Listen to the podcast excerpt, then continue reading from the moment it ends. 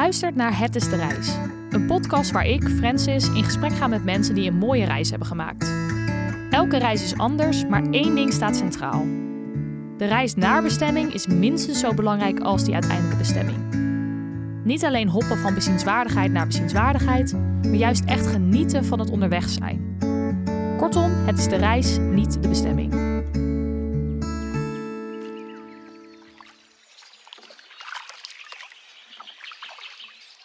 In deze aflevering spreek ik met Harry. Harry is voor deze podcast helemaal vanuit België naar Amsterdam gereisd. En daar ben ik super blij mee, want Harry kan mij alles vertellen over wel een hele bijzondere manier van reizen: het packraften. Mijn naam is Harry, ik kom uit uh, Gent in België. En ik vind het helemaal fantastisch om met de Packraft uh, uh, plaatsen te gaan verkennen, op pad te gaan en uh, de wereld te zien van op een rivier of een meer of wilde waterwegen. Harry werkt bij de reisorganisatie Travelbase, een organisatie die allerlei bijzondere reizen organiseert. Hij heeft daar de Packraft Trail opgezet. De Packraft Trail organiseert verschillende trips, zowel in Nederland en België als in Slovenië. Maar laten we beginnen bij het begin. Wat is packraften nou eigenlijk?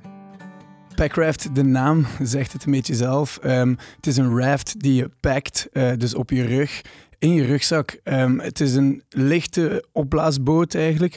2,5 tot, tot 3,5 kilo, afhankelijk van welke raft, uh, de grootte en welke opties je erbij neemt. Um, en uh, je kan die gewoon makkelijk oprollen en uitrollen. En gaan hiken overal met die raft op je rug. Wat je doet is, je komt aan aan een rivier, je rolt je raft uit en daarbij komt een opblaaszak en die, uh, die mag je gewoon uh, vijf keer lucht scheppen en daarmee is je raft volledig opgeblazen en um, kan je eigenlijk het water op. Oké, okay, dus dat is een paar minuten, zeg maar. Of hoe lang duurt dat om dat op te zetten? Het duurt ongeveer een, uh, een tweetal, drietal minuutjes. En um, ik vind het leuk om als ik met vrienden ga packraften, uh, om een wedstrijdje ervan te maken om zo snel mogelijk die raft op te blazen. Ja. En het record is uh, drie keer een volle blaaszak lucht scheppen. En echt, uh, het, het, duurt, het duurt ongeveer een minuut, maar dan moet je wel een beetje getraind zijn om het af en toe gedaan te hebben. Oké. Okay. Nou, dat klinkt inderdaad dan wel heel handig. Um, kan je eens beschrijven hoe dat de raft eruit ziet? Want in mijn hoofd is het meer een soort kajak, of is dat, klopt dat niet? Ja, um, het is een mix. Ja, het is eigenlijk een kajak, een, een opblaaskajak. Um, maar die raft heeft eigenlijk één luchtkamer. En um, uh, dan zijn er ook twee. Uh, er is een stoeltje, ook dan, die blaas je op mijn mond. maar die, is, die raft is ongeveer uh, anderhalve meter tot twee meter lang. Um, en um, uh, als je die oprolt, is die de grootte van een opgerolde slaapzak. Dus die, die neemt echt weinig plaats in beslag. Het is echt de bedoeling dat die zo licht en compact mogelijk is. Um, oorspronkelijk komt het uit Alaska waar ze een oplossing zochten, uh, de Amerikanen daar, om makkelijk grote afstanden af te leggen. En uh, uh, in Alaska zijn er enorm veel rivieren en meren en het is soms moeilijk om, om, om die over te steken en al zwemmend of al hikend. Dus dan kwamen ze met het concept packraft op de proppen om gewoon met een bootje op de, in de rugzak makkelijker terrein uh, te, te coveren eigenlijk. Ja, ja wel goeie. Want ik ben een keer in Canada, moest, gingen we gewoon met zo'n Canadese kano en toen moesten we dat ding zo steeds tillen, zeg maar. Dat is echt verschrikkelijk. Inderdaad, ja. uh, portage heet dat. En um, dat is eigenlijk de oplossing om portage tegen te gaan. Ja. Um, want ja, zo'n kano kan best wel zwaar zijn natuurlijk. Ja, zeker. Mm -hmm. Oké, okay, en hoe, dus er zit een stoeltje in, dus je kan er zeg maar echt goed in zitten. Ja. En dan heb je een pedal? Of? Ja, klopt. Dus um, je hebt een klein uh, opblaasstoeltje, um, dus met een rugsteun ook, idealiter. Uh, niet elke raft heeft dat, maar um, uh, voor comfort is het wel aangenaam om dat te hebben. En je, je zit jezelf uh, heeft ook lucht natuurlijk. En dat is echt wel handig, want soms ga je echt over lage riviertjes waar de waterstand niet helemaal top is. En je kan, laten we zeggen, tot als het water 10 centimeter hoog staat, kan je raften. Uh, wat ook nog een voordeel geeft, want kajakken en kanoën die hebben toch wel echt meer water nodig. Uh, daar drijf je bijna op het waterniveau, terwijl met een raft drijf je volledig op uh, de waterspiegel. Um, dus De pedal eh, bestaat uit vier delen. Um, die is ook het licht materiaal, fiberglass, um, aluminium. Uh, soms, je hebt ook plastic pedals. Um, en die, die bestaat dus uit vier delen. Heel handig in te pakken in de rugzak. Ook opnieuw bedoeld om zo licht mogelijk te zijn. Ja, oké. dus die, die doe je dus ook bij de rugzak in. En kan je er zeg maar, comfortabel een paar uur in zitten? Of is dat toch op een duur een beetje vervelend? Um, uh, ik vind packraften zeer comfortabel vergeleken met andere uh, roeisporten. Ik heb ook door de fjorden gezeekajakt. Um, en daar is het iets lastiger, want je zit echt wel in zo'n kleine kajakruimte voor uren aan een stuk. Um, het packraften is op zich comfortabel. Je hebt verschillende soorten. Je hebt open rafts, je hebt gesloten rafts um, met een spray skirt uh, als je echt een beetje wild water gaat doen en zo. Um, maar uh, ik, vind, ik vind het zelf best aangenaam. En het leuke aan die rafts is ook, je kan gewoon heel gemakkelijk uh, aan, aan de oevers van de rivier even pauze nemen en er makkelijk in en uit gaan. Um, terwijl met een zeekajak is het, is het iets lastiger, want je zit volledig vast in die kajak. Uh, hetzelfde met wildwaterkajaks. Um, dus ik vind het echt leuk. Het enige wat soms moeilijk is bij raften, is als je op een rivier gaat, is het leuk. Go with the flow. De rivier neemt je eigenlijk mee en je hoeft niet te veel te doen. Um, als je op een meer gaat en je hebt tegenwind, een raft is natuurlijk een drijvend voorwerp en um, de wind die is, uh, die is dus iets minder onderhevig aan de stroming, de raft. Terwijl kayaks en kano's zijn dan wel iets meer onderhevig aan de stroming, uh, omdat je als met je raft op het water echt drijft op het meer, ben je dus wel aan de wind, moet je soms wel stevig gaan peddelen tegen wind. Maar het lukt hoor, het lukt, het, lukt, het gaat gewoon iets ja. trager. En um, qua tempo op een, op een gewoon vlak meer... Um, uh, of, of in de Beastballs bijvoorbeeld, uh, peddel je met gewone wind een vijftal kilometer per uur, dus even snel als je zou wandelen. Dus ja. mocht je een, een trip willen doen met een packraft, um, dan kan je best berekenen hoeveel kilometer je per dag wil gaan. En dan kijk je, oké, okay, ik wil 10 kilometer wandelen en uh, 10 kilometer raften. Dan zou dat zogezegd vier uur in beslag nemen als je rekent aan een tempo van 5 kilometer per uur, ja. zonder stoppen. Ja, precies. Oké, okay. duidelijk. En waar heb je eigenlijk je tas, zeg maar, als je in dat raft... Ja, excuses. Uh, en je tas, um, die...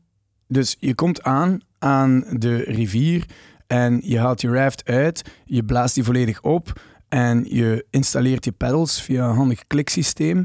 En dan heb je dus nog die tas. Uh, en die heb je twee manieren, eigenlijk drie manieren, om die ook te vervoeren.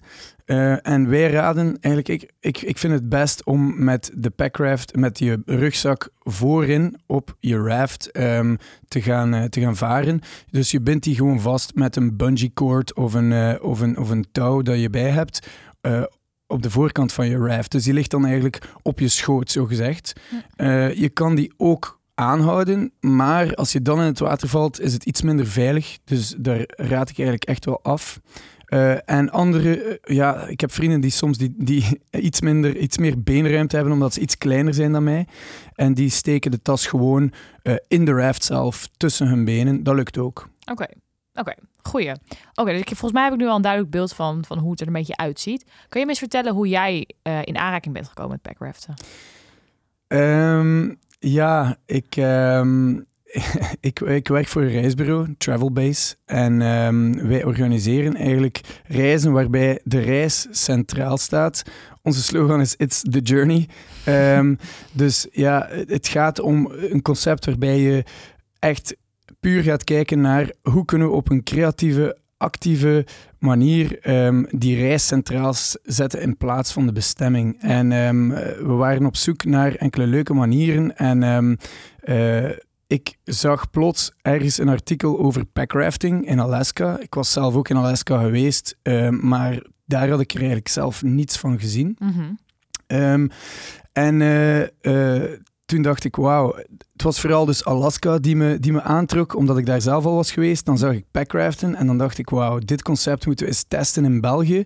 want er zijn zoveel mogelijkheden. En het mooie was, dat was net tijdens corona. Ehm, dus het was een beetje het verhaal van uh, um, zelfisolatie, avonturen dicht bij huis, microavonturen in die eigen bubbel en zo. en een packraft is eigenlijk het uitgelezen uh, voorwerp om, om uh, tool om, om zo die reis centraal te zetten. Het is een, het is een actieve vorm van slow travel. zo, zo benoem ik het het liefst. Um, dus slow travel eigenlijk bewust reizen, waarbij de vorm van het reizen centraal staat. En, um, en uh, dus dan dachten we, oké, laten we even uh, kijken of, of het in België, want, want we zijn gestart vanuit België, of het in België al bestaat. En er was effectief uh, één man die enkele Packraft daytrips aanbood in de Belgische Ardennen op de Oerte. En um, we zijn dan gewoon met uh, drie, twee collega's eens gaan testen, uh, om uh, eens een trip gaan doen en ah, ja. kijken hoe die packrafts gingen. En um, het was direct een schot in de roos. Ja, was het meteen, ging het gewoon goed en was het een fijne manier van reizen? het was een fijne manier van reizen, maar het was herfst yeah. en het was aan het hagelen en het was nog een wild avontuur. Um, maar we waren wel meteen... Um, we wisten wel meteen, oké, hier, hier zit potentieel in, want ik denk uh, dat zoveel mensen dit nog niet kennen en dit willen echt gewoon laten, uh, laten weten aan de buitenwereld. En dan zijn we gewoon aan de slag gegaan met uh, trips, Packraft Trails gaan ontwikkelen van twee dagen, dicht bij huis. Dus voor de Belgen is dat in de Belgische Ardennen, want we mochten toen nog de grens niet over met, oh, ja. en moesten al die testen laten doen, maar dat, kon dus, dat hoefde dus niet voor ons. En um, het, was, het was enorm populair. En dan dachten we, oké, we zijn gewoon gaan groeien. En zijn we gaan kijken in Nederland, want we hebben ook uh, Travel Base Nederland. En um, die, uh, de Biesbos kwam direct op onze radar. Oh ja, vet. ja, super, uh, super mooi. Uh, hebben we samengewerkt met Staatsbosbeheer ook om, um, om te kijken naar de routes, zodat we de, de broedplekken van de visaarden niet in, niet in het gedrang brengen en zo. En, um, um, dus ja, Packraft, um, daar, ook, ook hier in, in, uh, in Nederland was het een enorm succes. Dus dan moesten we eigenlijk nog meer gaan kijken waar, ja. kunnen, waar kunnen we groeien. Uh, Luxemburg was dan onze derde bestemming uh, op het Stuwmeer. Um, en um, we zijn nu echt gewoon uh, volop uh, constant Packraft Trails aan het uitwerken. Aan Wat het, cool. Ja, het, is, het is echt super tof. En dus ook in Slovenië, toch? Slovenië is uh, een, beetje, een beetje mijn uh, favoriete baby van de Packraft ja. Trail. um, Waar ligt het aan? Uh, ja, omdat het gewoon een super mooie variatie is van um, hiken door prachtige natuur. Uh, en raften op de Socha-rivier, uh, dat is echt een, een, een parel in, uh, in het groene hart van Europa, Slovenië. Dus um, ik, ik wilde natuurlijk meer. Die, die tweedaagse microavonturen zijn tof om mensen echt gewoon in contact te brengen met de packraft. Ja. Maar als je echt gewoon outdoorsy wil gaan en um, het avontuur wil opzoeken, dan wil je toch wel een week gaan packraften. Het Walhalla van eigenlijk ook wildwateravontuur. Ja. Dus um, daar heb je al iets leukere stroomversnellingjes ook. Um, dus het mooie aan Slovenië was, je begint op een, uh, op een camping, een bivak eigenlijk, in the middle of nowhere. En van daaruit, vlak naast het meer van Bohinj. Mm -hmm. En van daaruit ga je dus het meer oversteken. En het is leuk dat je even eerst kennis maakt met uh, de packraft op het meer, zodat je niet direct op een wilde rivier hoeft te gaan. Ja, goeie.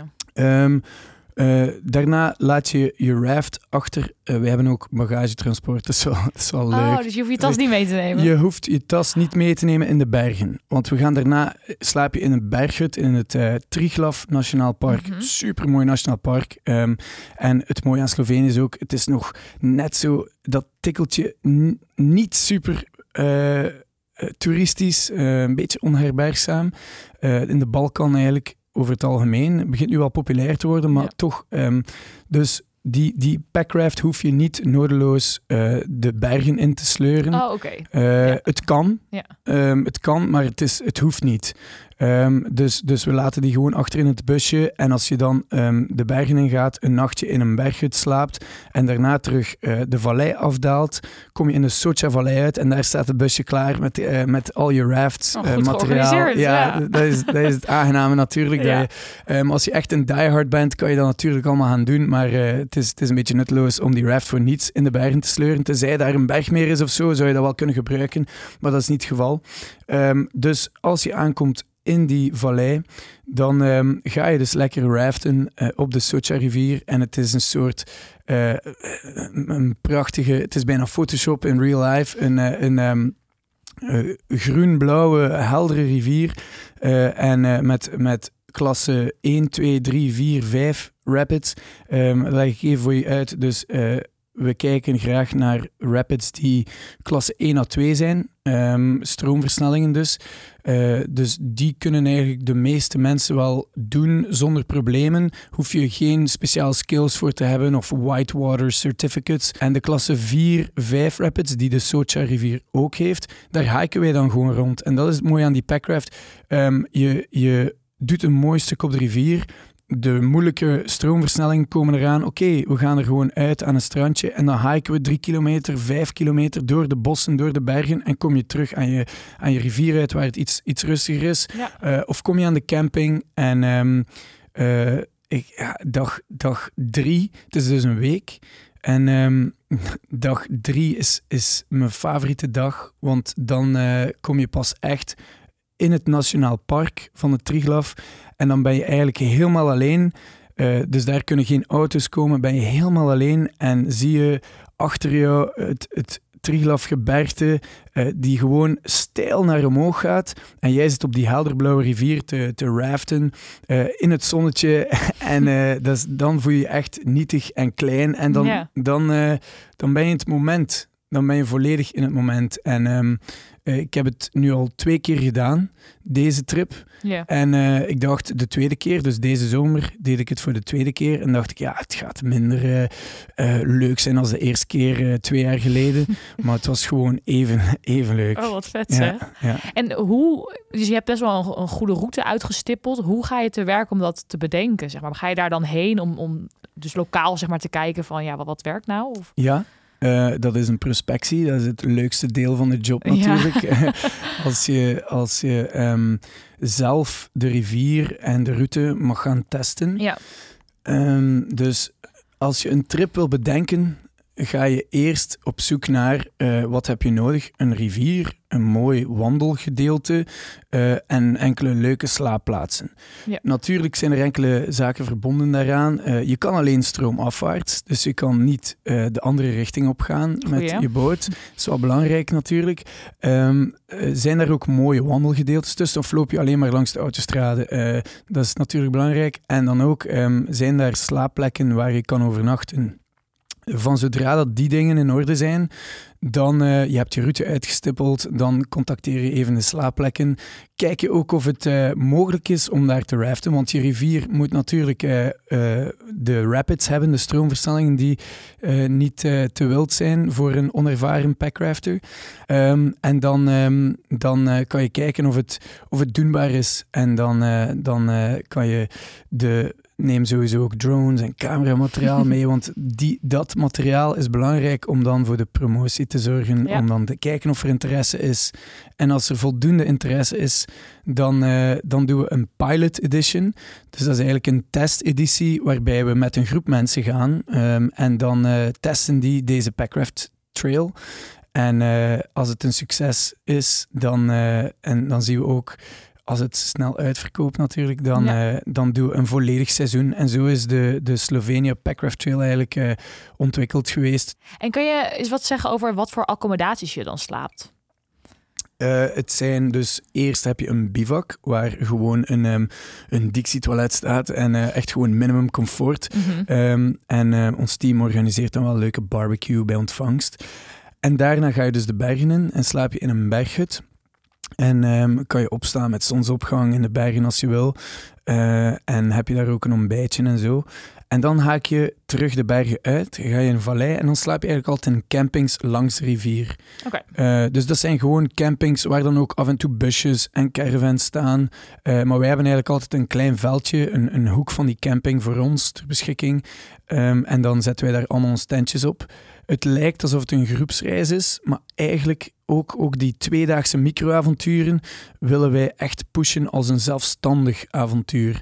Dus op die tweedaagse avonturen geven we altijd gewoon een kaart mee.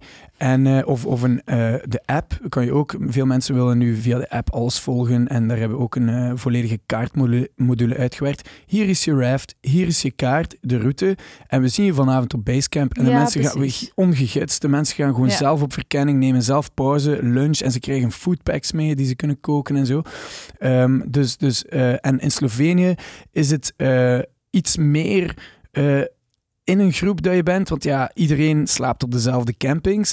Maar eh, je bent nog steeds volledig vrij om zelf te gaan. Ehm, eh, we hebben natuurlijk wel mensen mee, dus gidsen mee op, op de trails. Maar eh, je loopt niet in groep. Iedereen loopt volledig zelfstandig. En we zien je aan, aan de, de camping of basecamp op het einde. En je neemt dus ook je kampeerspullen dan dus mee. Eh, Ja, ehm, als je volledig zelf op Packcraft avontuur gaat, unsupported, mhm. betekent dat. Ehm, ja, dan neem je dus ook je tent mee op je raft. Dan neem je je kookspullen mee, je slaapzak. Dan, dat is echt wel, dat is de diehard adventure. Ja. Maar wij willen het gewoon aan zoveel mogelijk mensen het concept laten leren kennen. eh, ehm, en gewoon die ervaring van de mobiliteit van zo'n packraft eh, eh, leren kennen. En dan is het handig dus dat je het busje hebt die gewoon je kampeerspullen meeneemt. En dan s'avonds op de camping, ah, hier is mijn tent ook. Dus, eh, dus je neemt eigenlijk enkel je dagrugzak rugzak mee. Je hoeft je geen zorgen te maken over eh, al de logistics en, Ja. eh, en die tent dragen en zo. Je hebt zelfs mensen die gaan bikepackraften en die gaan met een fiets op een packraft. Echt? Oh, ja, dat is echt, het, het, het stopt bizar. niet. Ja. Nee, oké. En heb jij zelf wel eens dus echt zo unsupported zoiets gedaan, zeg maar? Nog niet, maar het is wel mijn droom. We hebben eh, de Koengsleden in, in Zweden, de Ja, Arctic Circle. vet. Daar heb je echt gewoon geen wegen. Mhm. Dus eh, kan je eigenlijk niet anders dan self-supported gaan. Ja. Eh, die staat wel op mijn bucketlist om zelf eens te proberen. Oh ja, heel cool. En kan je me een beetje meenemen met de afgelopen keer dat je in Slovenië was? Zeg maar, hoe je dat beleeft als je dan op het water zit. En ja, hoe, hoe is dat dan?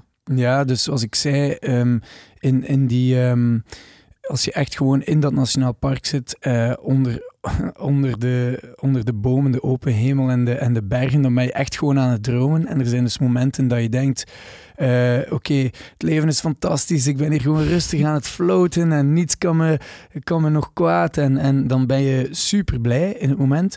Maar dan zijn er ook momenten, oh, daar komt een stroomversnelling. Oké, ik zet me schrap en dan ben je ook weer in het moment, maar op een andere manier. Dan ben je dus eh, gefocust en dan, ehm, dan, dan eh, wil je die flow halen. En, en dan, ehm, dan heb je een moment van hyperfocus. Dan ga je door de rapid en dan heb je die adrenaline daarna. En dan surf je daarop rustig en dan ben je weer op een rustig stuk. En dan ben je weer aan het dromen. En dan, dus eh, het is eigenlijk, en, en voor je het weet, heb je dan eh, zeven kilometer afgelegd en ben je al aan het einde.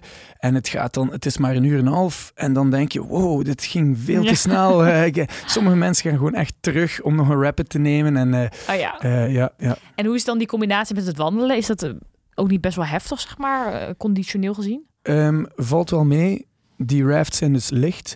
En ehm, eh, er, is, er is nood aan een goede balans tussen raften en wandelen. En ehm, als je zorgt dat de, de wandelgedeeltes ehm, ook aantrekkelijk genoeg zijn, dat, dat, dat je door mooie stukken wandelt, Ja. dan ga je het gewicht van die raft op je rug eigenlijk veel minder voelen. Ja. Ehm, natuurlijk, als die raft een beetje nat is, weegt hij iets meer. Je hebt je lunchpakket ook bij. Ehm, maar al in al is het maar 8 kilogram dat je op je rug draagt. Ja, dus dat valt echt wel mee. Ja. Ja. En maar ook zeg maar, want ik kan me voorstellen dat zeg maar het raft is natuurlijk meer met je armen en dan wandelen meer met je benen, dat je zo misschien ook wel een beetje Exact. Eh, verdeelt. Exact. De, de afwisseling is zo leuk. Als je, als je twee uur geraft hebt, dan kan je het voelen aan je schouders, maar dan zijn je benen, hebben je benen gewoon de hele tijd gerust. Dus dan kan je weer verder met je benen. Ja, dat is eigenlijk wel een goeie. Oké. is super. En wat is nou het mooiste stuk waar jij eh, tot nu toe hebt gepackraft? Eh, echt wel dat stuk uit Slovenië. Ja. Ehm, maar ehm, ik, uh, ik heb ook, uh, we hebben een, een driedaagse in Chamonix in de Franse Alpen ook georganiseerd. Het was een beetje exclusief, dat was dit jaar. Oké. Um, en um, dat was een zeer wilde rivier. Uh, dat was echt een whitewater adventure. Mm -hmm. uh, maar misschien iets te uh, wild. Maar dat was ook echt super mooi. Dat was ook super mooi. Ja, en dan is er ook nog wat meer uitdaging in, zeg maar, Ja. het raften zelf. Ja, er waren uh, vier, nee, vijf klasse 3 rapids, standaard al klasse 3. Ja. En als het dan echt veel... En die rivier was ook, uh, die ging zeer snel. Uh, de, en als je dan erin valt, dan gaat je boot gewoon... Dan gaat je boot verder naar de volgende rapids. En de volgende er waren eigenlijk geen strandjes om rustig uit te, uit te stappen. Dus En wat, wat moet je dan doen? ja, dat, dan gingen we wel met gids. Ja, dus oké, uh, ja, ja, ja. dan zorgen we wel voor de veiligheid uh, dat je met een gids bent. En dan kon je makkelijk aan de kant, die kon je helpen terug in je boot. En, Want even voor de luisteraar die dus nu misschien denkt van... oh, ik zou het wel een keer willen uittesten, zeg maar. Wat dan een goede manier is om dat, om dat te gaan doen, zeg ja, maar. Je kan dus zelf een boot kopen. Uh, die kosten tussen de 800 en de 1200 euro. Maar een Decathlon kopen ze, verkopen ze er ook al voor 4,99. En die zijn al iets goedkoper. Dus je zou zelf zo'n boot kunnen kopen. Um, en dan moet je dus gaan kijken welke rivier je gaat. Maar ik, uh, ik zou... Je kan zonder gids gaan op het meer, geen enkel probleem. Op een rustige klasse 1 rivier. Um, klasse 2 kan je alles gaan proberen als je je avontuurlijk voelt. Maar ik denk vanaf klasse 3 is echt wel aan te raden om een gids te hebben. En ga ook gewoon nooit alleen. Draag je zwemvest. Er zijn echt een paar standaard dingen die je wel echt wel moet, uh, moet doen. Ja, dat is wel een goede inderdaad. En begint het dus nu wat meer op te komen? Ook dat je bijvoorbeeld voor een dagtrip ook packrafts kan huren en zo? Um, ja, je kan voor een dagtrip packrafts huren um, in België alvast. Uh, dat weet ik zeker.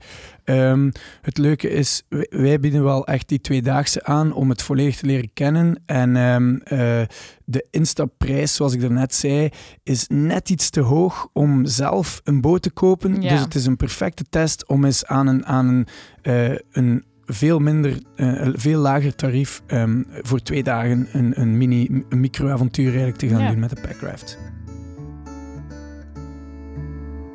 Elke aflevering vraag ik mijn gasten of ze nou een nummer of album hebben wat voor hen echt symbool staat voor de reis. Ben je nou benieuwd naar de muziek die mijn gasten hebben genoemd? Op Spotify kun je zoeken naar de afspeellijst Het is de reis, niet de bestemming, waar ik alle nummers toevoeg en ook wat eigen favorieten inzet. Ik vraag het ook aan Harry. Het nummer Rise van Eddie Vedder um, is uh, een, een, nummer van uh, Into the Wild, de film uh, uit Alaska. Um, ik ben die bus zelf ook gaan bezoeken, dat is een ander verhaal. Maar dat doet me altijd denken aan, aan reizen in het algemeen. En, um, en ja, het is find your direction magnetically, een mooie zin. Um, en gewoon met de Packraft ook.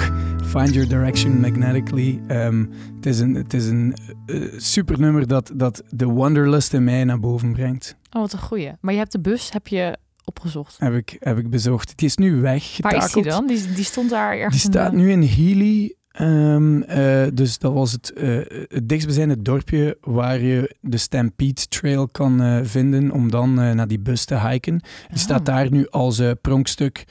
Um, maar ik ben in maart 2017 met een poolka en mijn Canadese vrouw zijn we naar um, die bus gegaan, daar een nachtje in overnacht. Echt? En, uh, vet. Het was echt, ja, het was echt vet.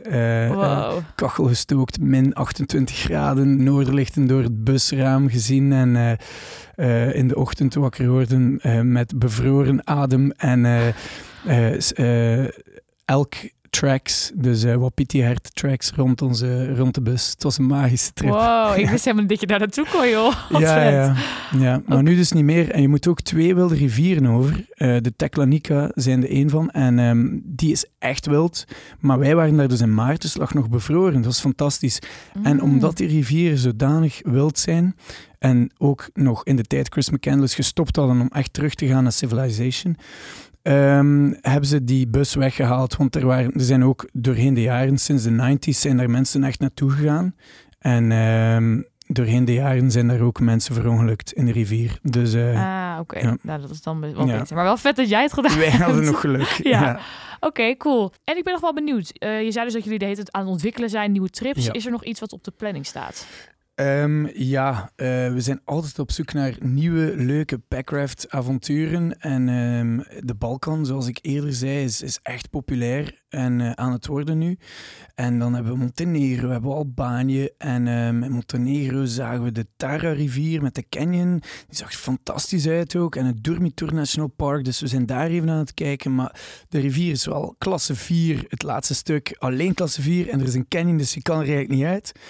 Maar nu um, zag ik in Albanië en, uh, een prachtige rivier, de Vjosa. Um, die uh, ontspringt eigenlijk in Griekenland. Um, en die loopt volledig door Albanië. En het leek wel fantastisch om daar ook een, uh, een week lang avontuur op te doen. Um, het mooie aan de Vjosa is ook het verhaal er rond. Het is de laatste free-flowing river in Europa. Dus het zou mooi zijn om een beetje awareness daar rond uh, te creëren ook. Want er zijn nog geen enkele dammen daar gebouwd. Oh, wow. um, het probleem, ja, er, er zijn wel veel projecten al gepland om daar dammen uh, te zetten. En eigenlijk de hele Balkan is al uh, vol, staat vol met dammen en zo. En um, ja, dammen wekken natuurlijk elektriciteit op voor, voor de mensen. Maar, en we noemen het wel hernieuwbare energie, maar eigenlijk is het, um, als, we er, als we op lange termijn kijken, geen goede bron van, van energie voor ons. Want ze vernietigen echt wel ecosystemen. vissen kunnen niet meer door. Um, droogte, dan zijn er stuwmeren, maar dan dan is er droogte. Uh, ja. en, en het heeft echt wel een downstream effect, letterlijk, op de lokale bevolking op lange termijn. Ja, oké. Okay, dus, maar dan zou het dus mooi zijn als jullie dat nu nog wel die trip kunnen doen, omdat het dus inderdaad zo'n bijzondere rivier is. Tuurlijk. En het mooie daaraan is, je hebt altijd enorm veel activisten binnen de paddle-bewegingen. dus op de Vjosa en ook op de Socha zijn er zeer veel whitewater rafters en kayakers en packrafters die, die um, trips doen en die daarvoor opkomen en die, ja. Um, die, ja, die tegen dammen vechten. Um, Patagonia, het uh, kledingmerk, is daar ook enorm mee bezig. Ze hebben een film daarover gemaakt, Damnation. En um, de, de Viosa stond daarin centraal ook. Dus ik denk, ik denk wel dat dat een, een mooie uh, trip is om te doen volgend jaar. Ja. En daar ben ik nu dus deze winter enorm hard aan, aan het werken. En ik ga die dan ook eens mogen gaan uittesten uh, ergens in maart. En dan hopelijk zien we enkele mensen op een pilot edition volgend jaar in Ja. de zomer daar op de Viosa. Oh, dat klinkt wel heel vet. Inderdaad. En ook een soort manier om er aandacht voor te vragen. Dus dat is wel- Inderdaad. Ja, Ja, eh, cool. dat proberen we wel altijd te doen. Ehm, eh, ik vind het belangrijk, overal waar je gaat, eh, heb je sowieso een, een impact. En eh, je kan die negatief hebben of positief. Dus eh, Leave No Trace is een, een positief verhaal. Ehm, maar je kan ook echt gewoon teruggeven waar je gaat. En ik denk dat het belangrijk is, we doen dat dus met de Biesbos, geven 1% van ons totale omzet die we verdienen per jaar aan ehm, Stichting Buitenfonds, een Nederlandse organisatie die samenwerkt met Staatsbosbeheer. En die planten dan bomen, die beschermen de, de broedplaats van de aarde, maar ook Balkan Rivers ehm, voor Slovenië bijvoorbeeld, of eh, Rivière Sauvage voor Chamonix. Die zorgen dat de wilde free-flowing rivieren Ja. eh, blijven bestaan. ehm, overal in Europa. Ja, wat goed. En deze podcast heet natuurlijk Het is de reis. Nou, dat eh, komt erg overeen met de slogan van de Travel Base. Waarom vind jij het persoonlijk zo leuk om wat bewuster om te gaan met het onderweg zijn en de reis? Het is eigenlijk een mooie metafoor voor het proces. Ehm, het proces van alles eigenlijk. Niet alleen van het reizen zelf, maar ook gewoon als je uitzoomt in het leven. Het proces ehm, is eigenlijk belangrijker dan je eindbestemming.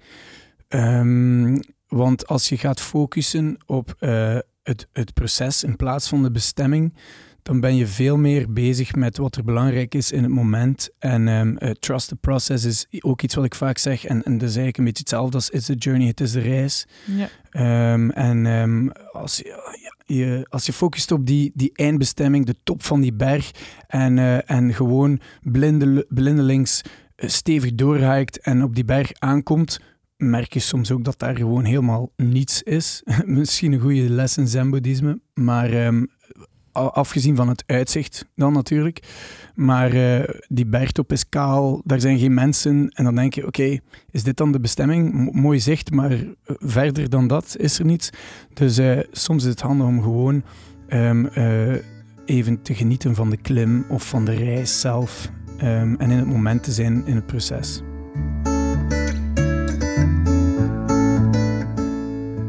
was Het is de Reis.